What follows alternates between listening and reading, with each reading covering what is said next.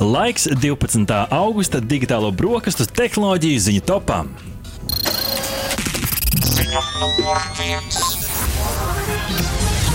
Un eh, pirmā ziņa šajā rītā digitālajās brokastīs no tehnoloģiju uzņēmuma Samsung, kas šodien iepazīstināja pasauli ar nākamās paudzes salokāmajiem vietāluņiem Galaxy Flip 4 un Galaxy Fold 4 pazudus Z burtiņš, eh, Galaxy Buds 2 Pro austiņām un Galaxy Watch 5 un Watch 5 Pro sērijas vietpunktsiem. Ātri iziesim cauri tam galvenajam. Es neiešu cauri specifikācijai, to jūs varat atrast internetā. Es vairāk parunāšu par to šajā rītā, kas piesaistīja manu uzmanību. Nu, Fold 4 pirmkārt līdz šim uz papīra ir jaudīgākais Samsung vietālunis. Tas ir uh, vērā ņemama maza nianse. Uh, vēl pāris lietas, kas piesaistīja man uzmanību tieši par šiem vietāluņiem. Viens ir izturība, kas ir būtisks aspekts, jo viņš lokās. Protams, tur var strīdēties par to, ko nozīmē tas, ka par tik procentiem viņš ir izturīgāks, taču uzlabojumi ir arī tādā materiālu līmenī. Abi, uh, gan Flip 4, gan Fold 4 dižojas ar ekrāna, ekrāna spilgtumu, attiecīgi 900 un 1000 nitu spilgtums.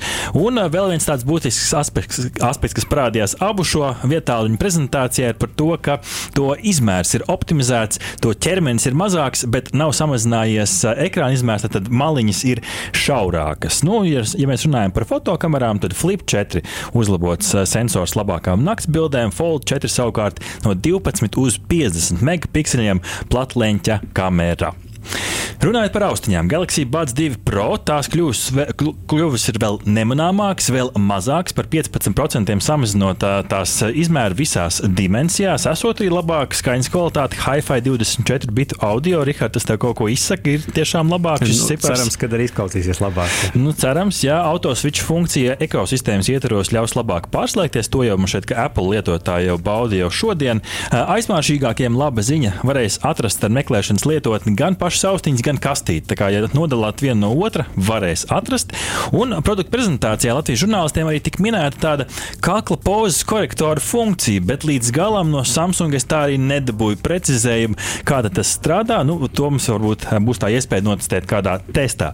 Runājot par pulksteņiem, Watch 5, Watch 5 Pro uh, sērijas vietpulksteņi, nu, pāris tādas nianses. Protams, viss kā jau katrā kārtīgā reklāmā, labāk, spēcīgāk, jaudīgāk, bet neskaitot šos saukļus, Advanced Sleep Coaching funkcija, kas nomēra tavus miega paradumus, ieliek kādā profilā un pēc tam atbilstoši taviem miega paradumiem iesaka, kā to uzlabot. Tad, Samsung ir uzlabojis asinsspiedienu mērīšanu pulkstenī, kā mēs uzzinājām šajā prezentācijā. Tad nu, tā kļūda joprojām ir 5 līdz 10 iedaļas, kas nu, nav galīgi medicīnisks aparāts. Palieciet pie kārtīgiem spiedienu mērītājiem, ja nu kas, bet tas esot vistuvāk tādam kārtīgam profesionālam aparātam, kāds mums no Samsung puses šajos pulksteņos ir un mazi nianses, kas varētu būt interesanti skrējējiem un orientēšanās entuziastiem, varēs ielikt GPX failus vietpulkstenī, tā kā ieliec failu un tev jau ir tavs maršruts tev priekšā. Rihard, kādas sajūtas šo visu dzirdot? Nu, patīkam, ka vesela liela ekosistēma atkal ir teikt, nodota mums visiem lietošanai un testēšanai. Nu, skaidrs, ka viss kļūst ar vien labāks, un par to jau, protams, liels prieks. Es personīgi ļoti gaidu tieši šo te flip telefonu, lai saprastu, nu, vai tad tiešām būs tas brīdis, kad flip telefons ir tieši tikpat labs kā parastais, parastais telefons. Un tad jau būtu vērts to apsvērt arī plašākā lietošanā. Vasaras sezonas otrajā pusē ar vien lielāku uzmanību gan skrējēju operatoriem, nomnieki, gan arī ceļu policija pievērš tieši drošai braukšanai. Par spīti brīdinājumiem elektrisko skrējēju gā īrētāji tā īpašnieki joprojām pārkāpj noteikumus, gan braucot dzērumā, gan braucot vairāk cilvēku uz viena skrējēju, tā apdraudot gan sevi, gan citus. Un citējot valsts policijas Rīgas reģionālās pārvaldes ceļu policijas bataljona komandieru Jāni Parādnieku, citāts sākums valsts policijas darbinieki ar šādām pārbaudēm vēlas veicināt visu satiksmes drošību dal, dalībnieku drošību, kā arī veidot skaidru apziņu, ka par noteiktas kārtības neievērošanu var iestāties likumā noteiktā atbildība. Citāta beigas. Un šeit arī paši skrēteņu īres operatori arī komentē šo situāciju. Piemēram, Bolt veicot arī akcijas pašiem, pārbaudot savus klientus braukšanas kondīciju. Nu, tas varbūt vairāk tāda publiska akcija.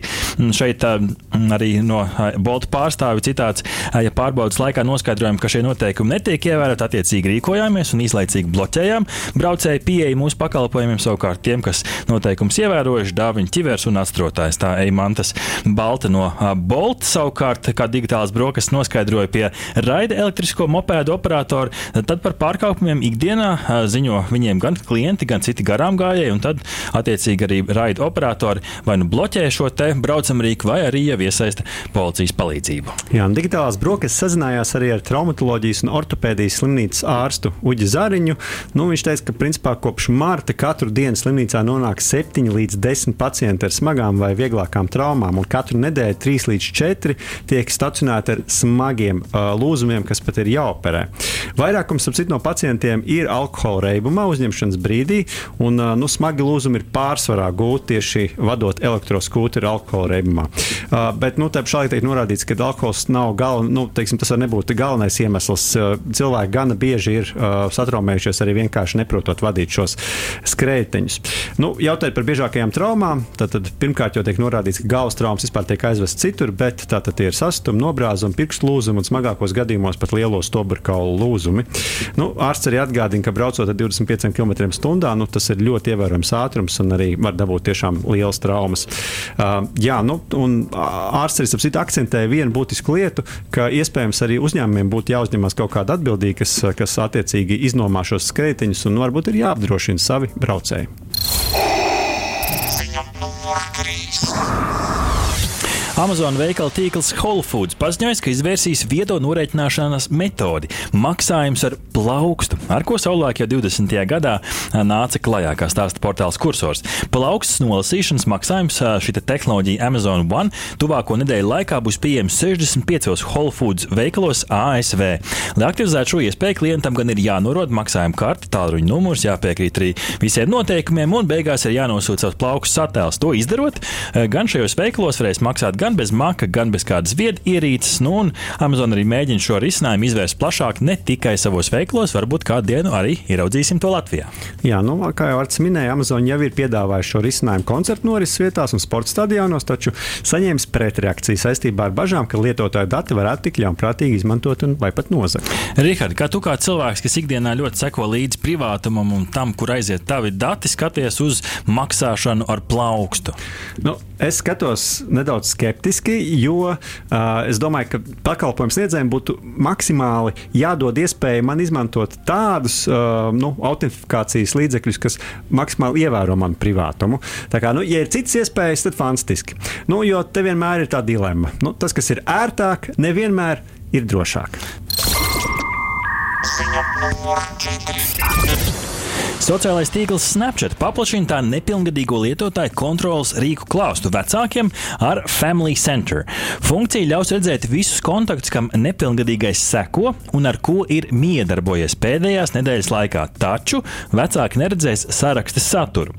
Centrālajā drošības eh, sadaļā pirms tam, protams, abām pusēm vecākam un bērnam ir jāieslēdz šis iestatījums un jāakceptē.